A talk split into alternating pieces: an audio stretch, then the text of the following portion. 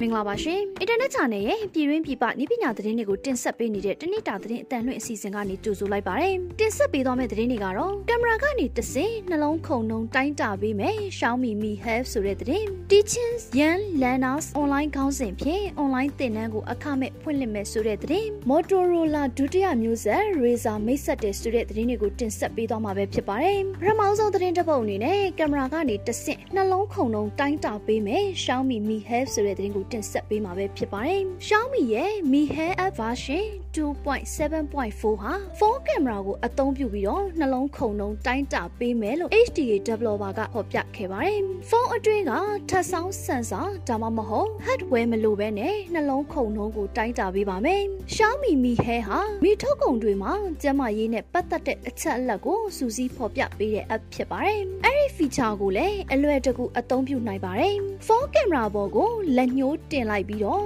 app မှာတရားရာခိုင်နှုန်းပြည့်သွားရင်နှလုံးခုန်နှုံရလဒ်ကိုသိရပါမယ်။နှလုံးခုန်နှုံကို general status, retin state ဒါမှမဟုတ် after exercise ဆိုပြီးတော့တစ်ခုရွေးပေးရပါမယ်။ဆက်လက်ပြီး teaching yan learner online ခေါင်းစဉ်ဖြင့် online သင်တန်းကိုအခမဲ့ဖွင့်လှစ်မယ်ဆိုတဲ့သတင်းကိုတင်ဆက်ပေးမှာပဲဖြစ်ပါတယ်။ British ကောင်စီမှာ teaching yan learner online ခေါင်းစဉ်နဲ့အခမဲ့ online သင်တန်းကိုတက်ရောက်နိုင်မယ်လို့သိရပါတယ်။ British ကောင်စီမှာပို့ချမယ် teaching yan learner online သင်တန်းမှာ online သင်ကြားမှုကို theory အပိုင်းအတွက်ရောလက်တွေ့အပိုင်းမှာလေ့လာနိုင်မဲ့အပြင် online သင်ခန်းစာတွေနဲ့အကဲဖြတ်မှုတွေစီစဉ်ဖို့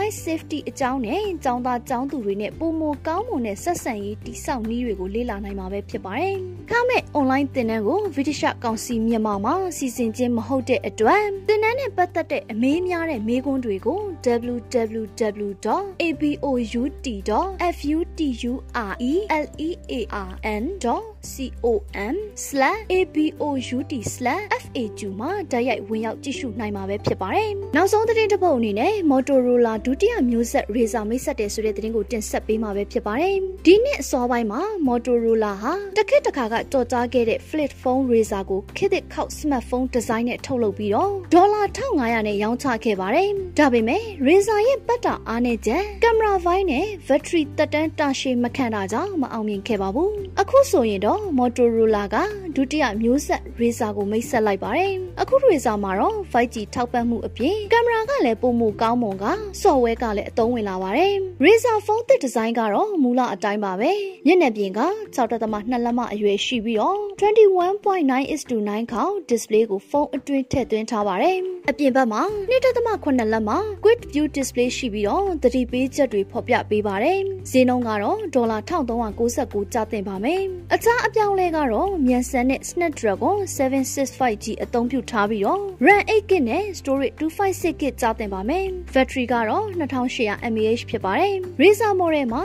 fingerprint sensor ကိုကြောပတ်မှာနေရာချထားပြီးတော့ကင်မရာဒီဇိုင်းလည်းပြောင်းလဲထားပါတယ်။ရှေ့ကင်မရာကတော့20 megapixel ဖြစ်ပြီးတော့တောဘက်ကင်မရာကတော့48 megapixel ဖြစ်က auto focus time of light sensor နဲ့ optical image stabilization ကိုထည့်သွင်းထားပါတယ်။အခုတင်ဆက်ပေးသွားတဲ့သတင်းတွေကနိုင်ငံတကာနဲ့ပြည်တွင်းမှာရရှိထားတဲ့နည်းပညာသတင်းတွေကိုအင်တာနက်ဂျာနယ်ကနေတင်ဆက်လိုက်တာပဲဖြစ်ပါတယ်။အခုလို COVID-19 ဖြစ်ပေါ်နေတဲ့ကာလမှာပြည်သက်တွေအနေနဲ့လည်းကျန်းမာရေးနဲ့အာကစားဝန်ကြီးဌာနရဲ့လက်ညှိုးမှုတွေနဲ့အညီလိုက်နာဆောင်ရွက်ခါနေထိုင်သွားလာဖို့တိုက်တွန်းလိုက်ပါတယ်။ကျွန်မကတော့ဝေမြင့်မှုပါ။